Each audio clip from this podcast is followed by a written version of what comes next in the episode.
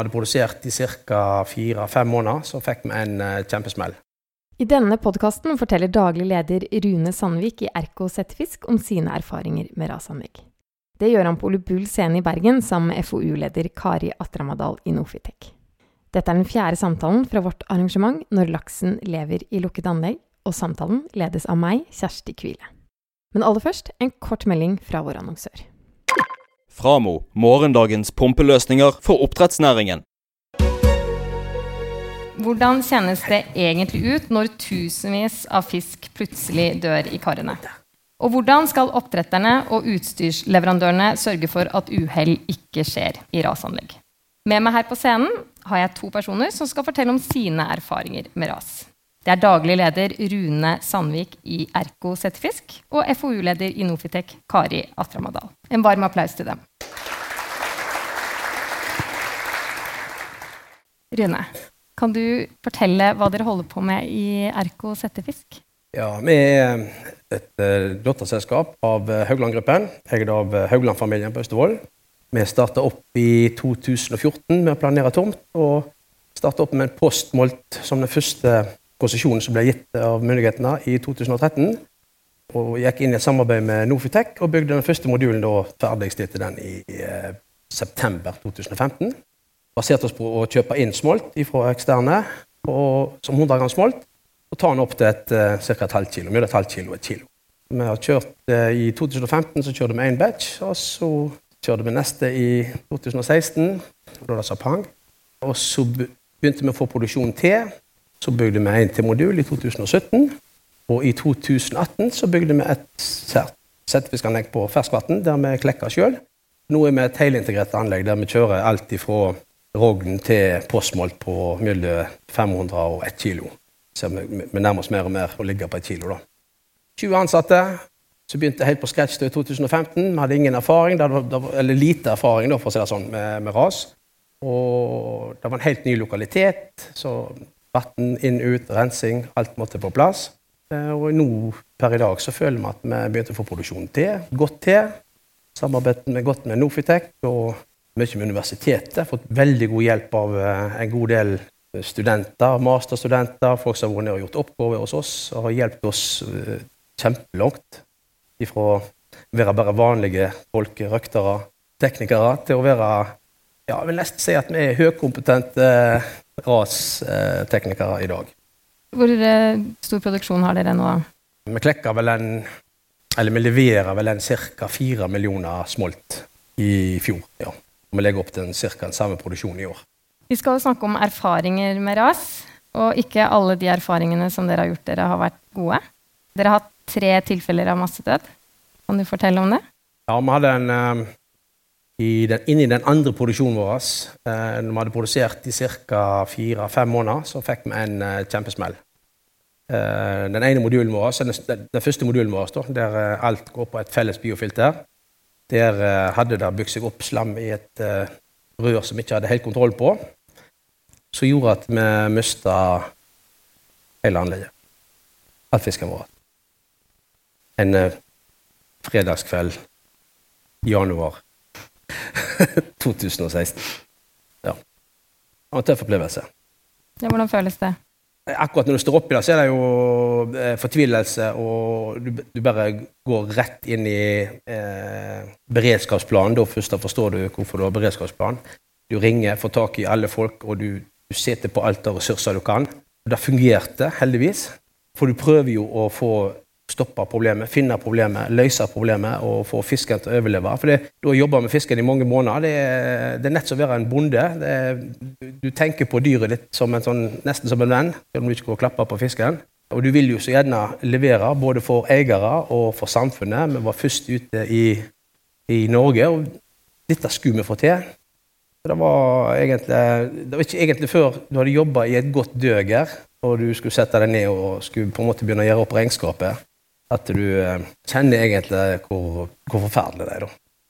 Og det, det er en følelse jeg ikke unner noen. Verken jeg eller noen av de som jobber på anlegget. Det var, det var stilt langt ute i uka, for å si det sånn, etter vi hadde fått rydda anlegget og prøve å finne ut hvordan vi skulle gå veien videre. da. Ja, Hvor går man da? Nei, altså det er jo nett som å være ute for eh, Jeg kan bare tenke meg, altså, Hvis du er ute for en, eh, en, alvorlig hendelse i familien din, det blir nesten sånn. Akkurat at det der med jobben at det, det er ikke så kjempeviktig, men du føler at du har gått på en kjempesmell. At det går på deg. Jeg følte det iallfall ganske personlig. Og da tror jeg faktisk at uh, røkterne mine òg gjorde. De var veldig, man fått, Dette skulle vi få til i lag, og eierne var med. Når jeg tok telefonen og klokka var åtte på kvelden, sant, så stilte alle eierne opp. og på en, måte, på en måte så var det godt å være sammen om det etterpå. Men akkurat eh, eh, før, du har fått, før du har fått løst det og greid å stoppe dødeligheten, så, så er det knalltøft. Det er nesten så hakket før at du må ha hjelp. Nå snakker jeg på det følelsesmessige nivået. da. Men Kari, i teorien så kan man jo ha full kontroll. Hvorfor ja. går det galt? Nei, men det, det, som er bra i den triste greia, er jo at du, klart, du klarer å finne hva som var problemet. Og det er som regel ikke magi eller noe eh, Det er et eller annet som, som man kan lære av, og at det ikke trenger å skje igjen. Jeg mener jo absolutt ikke at man, kan kjøpe et anlegg og ha full kontroll. Det er veldig viktig å få med seg. Men, eh, så det er absolutt komplekst, og det er derfor vi er så opptatt av både å, å få tilbakemelding på hva som går dårlig, sånn at du er helt sikker på at du kan for, forhindre det igjen, og på opplæring. Sånn at alle vet hva som er viktig. Men eh, vi er jo på veien til at vi kan ha full kontroll. Jeg tror absolutt de sånne opplevelser som det er, man gjør ikke du, du, glemmer ikke det røret en gang til, iallfall. Nei, det gjør du ikke. Så det gjør at man beveger seg eh, mot det optimale. For det er absolutt mulighet. Og det, når det gjelder det er sånne ting, det er menneskelig, og det er design av anlegget, og det er mange ting man ikke har prøvd før. Men etter hvert nå så får vi jo erfaringer, og det, vi blir bedre, og vi klarer å sikre oss mer og mer mot de feilene som vi kan sikre oss mot. Og så nå går vi òg mer mot styring med hjelp av automasjon. Nå, kan, nå vet vi jo egentlig hvordan vi skal komme oss til det optimale. Men det er ikke så lett å være en røkter som står og stiller på det. Men når du kan få hjelp av automasjon, du kan få hjelp av erfaring fra veldig mange produksjonssykluser Du henter inn sensordata, som du som regel ikke kan stole på, dessverre. Men det, det fins eh, måter her å regne ut hva du egentlig skal forvente. Litt som de var inne på tidligere i dag med den oksygenet, f.eks. Så det, det kommer nå, blir det utvikla mer og mer støtte til de som skal ta valgene. Det kommer til å hjelpe. Så alle de tingene, erfaring, opplæring, automasjonsutvikling kommer til å bidra til at vi nærmer oss mer og mer, at vi får utnytta det potensialet for full kontroll. Mm. Men det, det, mener jeg all ære til de pionerene da, som har gått og gjort den jobben og tatt de erfaringene, sånn at vi ikke trenger, vi trenger ikke gjøre det om igjen. sant? Vi vet det nå. Vi har blitt kommet mye lenger pga. Eh, at de har gått den veien for oss. Så det, ja, jeg syns dere fortjener masse ære for det. Også. Hvordan er det dere har jobba, da? Med å finne løsninger og Det er utrolig spennende. Um, nå har vi jo samarbeidet godt med Kari og Nofitec og ja, universitetet. og finner de rette nivåene. Det gjelder eh, om du skal ligge høyt på alkaniteten, eller om du skal ligge eh, om du skal leske mye med ferskvann, om du skal ligge rett på saliniteten, om det er temperaturen er rett, om det er rett til flowen. Altså, det er utrolig komplekst. Og I begynnelsen så tok vi jeg skal ikke si at vi tok lett på det, men vi visste egentlig ikke hvor komplekst det var.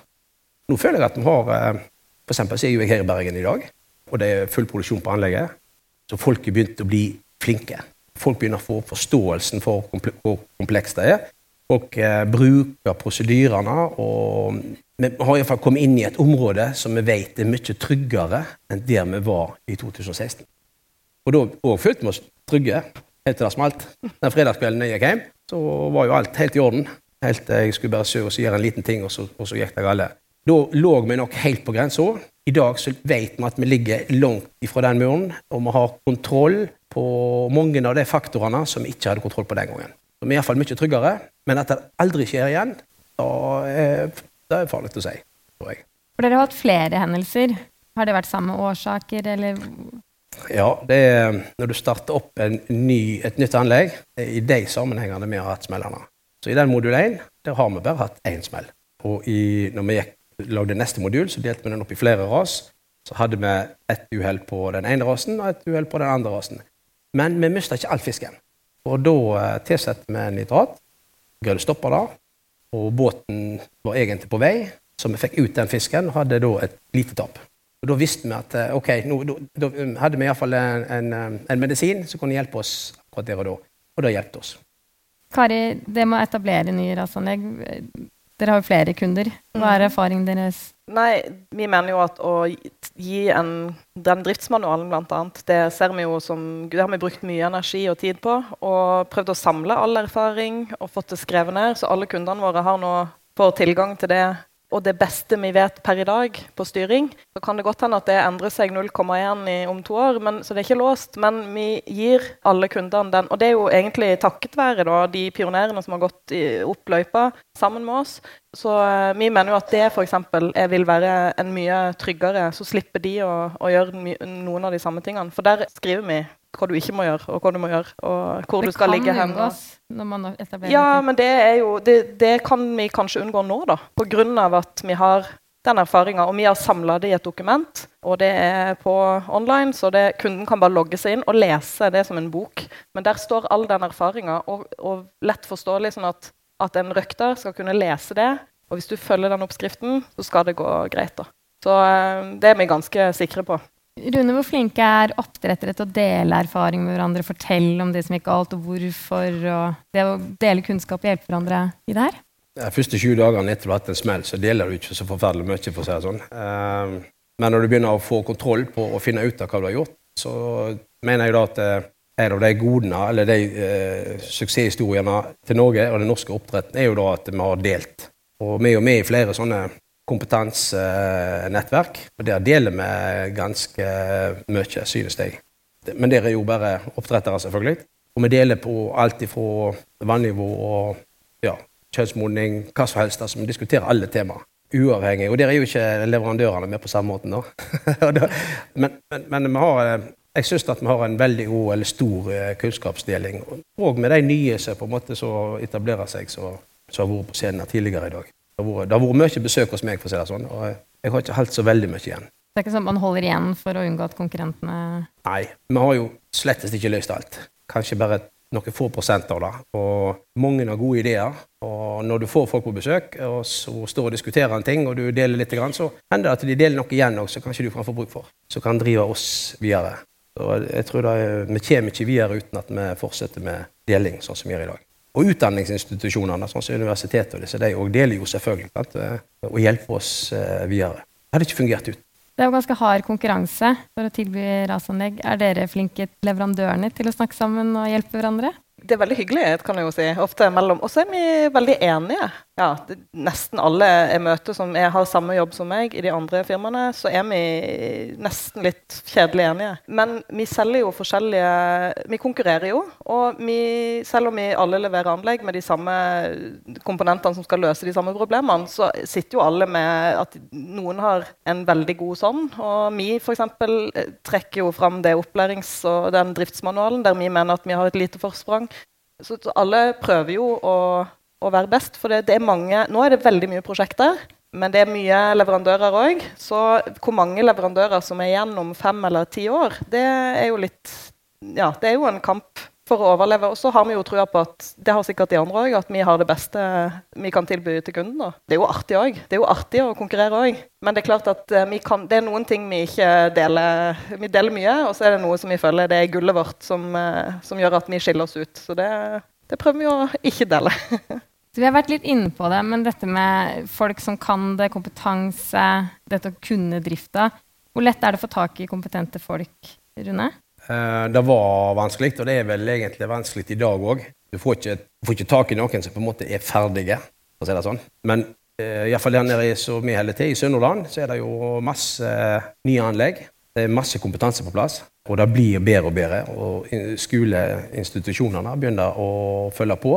Jeg tror da at i framtida så ser det faktisk egentlig veldig lyst ut. I forhold til det det var for bare fem år siden. Vi mener at det er blitt uh, gjort et veldig godt stykke arbeid der med å få utdannelsene på plass. Vi satser på lærlinger, har fire lærlinger i systemet vårt. Om ikke alle kommer til å fortsette oss med, det er jeg ikke sikker på, men det er måten vi må uh, jobbe for oss å lage gode folk, da, for å si det sånn. Eller gode oppdrettere. Du underviser jo masterstudenter uh, ved NTNU. Eh, Og eh, faktisk folk fra industrien som etter- og videreutdanner seg. Ja. Mm. Hvordan tenker du at framtida ser ut for å ha nok Ja. Nei, eh, det er jo absolutt Vi må være mange som bidrar på utdanning. For det, jeg hadde 85 søkere til 30 plasser nå på det kurset som vi begynner neste uke. Da, vi har ikke kapasitet til mer. Det var etter- og videreutdanning. I tillegg så er det over 40 masterstudenter som vil eh, ta kurs. Det, og det er bare i Trondheim. Så eh, det er et kjempebehov. Det dekker jo egentlig bare det nivået der folk har ganske lang utdannelse fra før. Og det er kanskje ikke de mesteparten av de som skal være på anlegg og jobbe heller.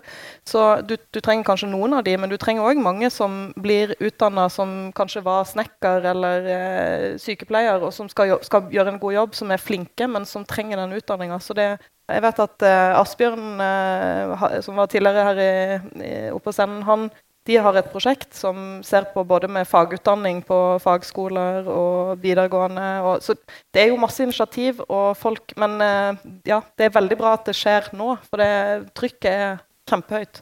Og du er, nødt, du er nødt til å utdanne deg. Selv om du er en god røkter og eller du har jobba på sjøanlegg og du er flink til å fôre fisk, så er det noe helt annet å være i ras. Og så må nok de som allerede har bygga anlegg, ta en, de tar en stor jobb sjøl, og leverandørene, med å, opp, å lære opp folk mens de er i in action. Oppdra folk. Oppdra folk. ja. Eh, Men når optimale forhold, når det kan liksom variere disse parametrene, at man ikke, det kan være så mangt som er bra, da, som er Mm. gode forhold i ras. Altså, hvem er det som er best til å vurdere de beste forholdene? Er det datamaskiner, eller er det folk? Ja, Ifølge min far, da, han er også oppdretter, så han eh, sa alltid det beste er kvinnelige sykepleiere. Fordi de går, ikke, ja, men de går ikke hjem de, før alle fisken har det bra. Eh, Så det syns jeg var veldig bra. Men det er jo ikke alltid du får tak i det. da, Så det nest beste det, det må bli maskiner. Nei da, jeg vet ikke. Nei, men eh, det, det krever Det er nok begge deler. Og i den første runden så tror jeg det må være Det er folk som er engasjert, som har lyst, som bryr seg om fisken. Ikke bare tenke på det som en Nå er jeg biolog, da, så det er jeg farga da. Men, men eh, jeg tror en av suksessfaktorene her blir folk som er opptatt av fisken, og at den skal ha det bra. Og så vil maskinene kunne være mer og mer til hjelp. Og det tror jeg eh, de som er på anleggene nå, vil være veldig glad for. For det er ganske mange ting, og det er vanskelig å se. Du kan se at pH går opp, men det å koble det mot alle de andre parametrene som er avhengig av pH, som f.eks. at CO2-en blir mer giftig, mens utluftinga av CO2 blir mindre effektiv samtidig når du beveger deg. Og så samtidig blir ammoniakken mindre giftig, men ammoniakkomdanninga blir mer effektiv. Så hva, hva gjør du da? Og så vil det være en riktig løsning på slutten. Den er annerledes enn det du ville gjort på begynnelsen av en produksjonssyklus. Så det er litt mye å kreve at en som er på anlegget, skal kunne se alt det i sammenheng. Så det å få støtte fra maskinene, som foreslår nå burde du kanskje vurderer å gå opp i pH, så kan du jo sjøl vi, vi vil ikke bli kvitt folkene, men, men at vi støtter og hjelper, det tror jeg er løsningen. nå. Så engasjerte folk som er, bryr seg om fisken, og som får god støtte av maskiner. Det tror jeg på. Rune, hvordan jobber dere med automasjon? Og Ja, i høyeste grad. Og vi har jo lagd noen egne kalkulatorer som går på dette her som vi kan putte inn alle vannparametere som vi tar i laben vår, for å hjelpe deg til å gjøre de rette tiltakene. Men en, likevel, selv om en har eh, gode kalkulatorer og gode verktøy, så er du nødt til å være nesten genuint interessert for å, å, å få det til. Og det, det er jo ikke en sånn sju til tre-jobb. Du, du er nødt. Er du, skjer det et eller annet i rasanlegget ditt når klokka er halv tre på ettermiddagen, så er du faktisk nødt til å løse det der og da. For ellers er det ikke sikkert du har jobb i morgen. Og selv om en datamaskin eller en, eh, en annen type automasjonsanlegg kan hjelpe deg, så blir, jeg tror det blir eh, støtteapparat i ganske mange år framover. du er litt sånn kvinnelig sykepleier, du. Ja, vi satser jo på 50-50 når det gjelder damer og menn. for å si det sånn. For folk, eh, men du kan, om du bare ansetter damer eller bare ansetter menn, så er det forskjellige egenskaper hos alle. Så eh, vi trenger egentlig alle. Et rasanlegg er jo egentlig et, en verden i miniatyr. Sant? Så du må jo ha alle typer folk, alle bakterier. Altså det, det er så komplekst at du trenger alle, til og med elektrikere, sånn som meg. Utvikling på dette her fremover, da? Kari, hvordan tror du det blir? Nei, jeg tror, Nå går det jo fort, fordi det er, jeg føler litt det er som et eh, sånn godstog i, i 200 km i timen nå. At eh, det er veldig mange som satser og er interessert. Og har lyst. Og eh, det å få ut kunnskapen, det er et stort behov for det. Det er et stort behov for å utvikle automasjon. Det er et stort behov for å lage standardiserte løsninger, tror jeg. fordi at til nå har det vel vært veldig mye sånn at du bygger skreddersydde Du kan ikke sammenligne mellom anlegg fordi alle er forskjellige. Så det at det blir mer standardiserte ting, det blir eh, forhåpentligvis bedre ting, fordi trykket er stort. Og det har konkurranse blant leverandørene. Det pusher oss til å finne de beste løsningene. Eh, så, så, jeg syns det er utrolig artig å jobbe med dette nå. Jeg er jo superheldig som traff på den bølgen. Jeg tror at det kommer til å skje veldig mye de nærmeste årene. Det skjer mye nå. nå mens vi sitter her, omtrent. Så det blir kjempespennende. Det er jeg helt sikker på. Rune, ja, eh, jeg tror ikke da at det rasanlegget kommer til å øve, eller vinne hele verden, men jeg tror, da at det er, jeg tror det kommer til å bli en god del større enn det er i dag. Vi kan levere hele året, og vi kan gjerne levere andre produkt. Eh, kanskje større matsikkerhet. Jeg tror at det, eh, matsikkerhet kommer til å bli et større tema med forurensning. Kanskje vi kan lage et produkt som er garantert fri for enkelte produkt, som du kanskje kan få bedre betalt for. Sånn at jeg tror det blir plass for ras både i Norge og resten av verden. Jeg tror at i Norge, vi, skal kunne overleve med òg i Norge, selv om det skulle begynne å få det til med laks i landet. Og Erko, da? Settfisk, hvor er dere? Nei, um, vi har jo fått uh, nei på en konsesjonssøknad, så vi kommer til å prøve å søke på nytt. Uh, I håp om at vi får slippe til får oss en konsesjon. Og da håper jo vi òg at vi får på matfisk. Ja. Eh, så vi håper at vi får lov til å være med òg. Ja, at myndighetene har tro på oss, for å si det sånn. Da sier jeg tusen takk eh, til dere. Dette er TechFisk, podkasten om teknologi og forskning i sjømatnæringa. Du har nå hørt på den fjerde samtalen fra arrangementet Når laksen lever i lukket anlegg. Om du vil sjekke ut de andre samtalene, bl.a. om gjennomstrømmingsanlegg på land, finner du dem på Spotify og iTunes eller i podkastspilleren din på mobilen. Neste uke får du møte Arne Berge, som forteller om Fishglobe, et lukket anlegg i sjø. Vi høres.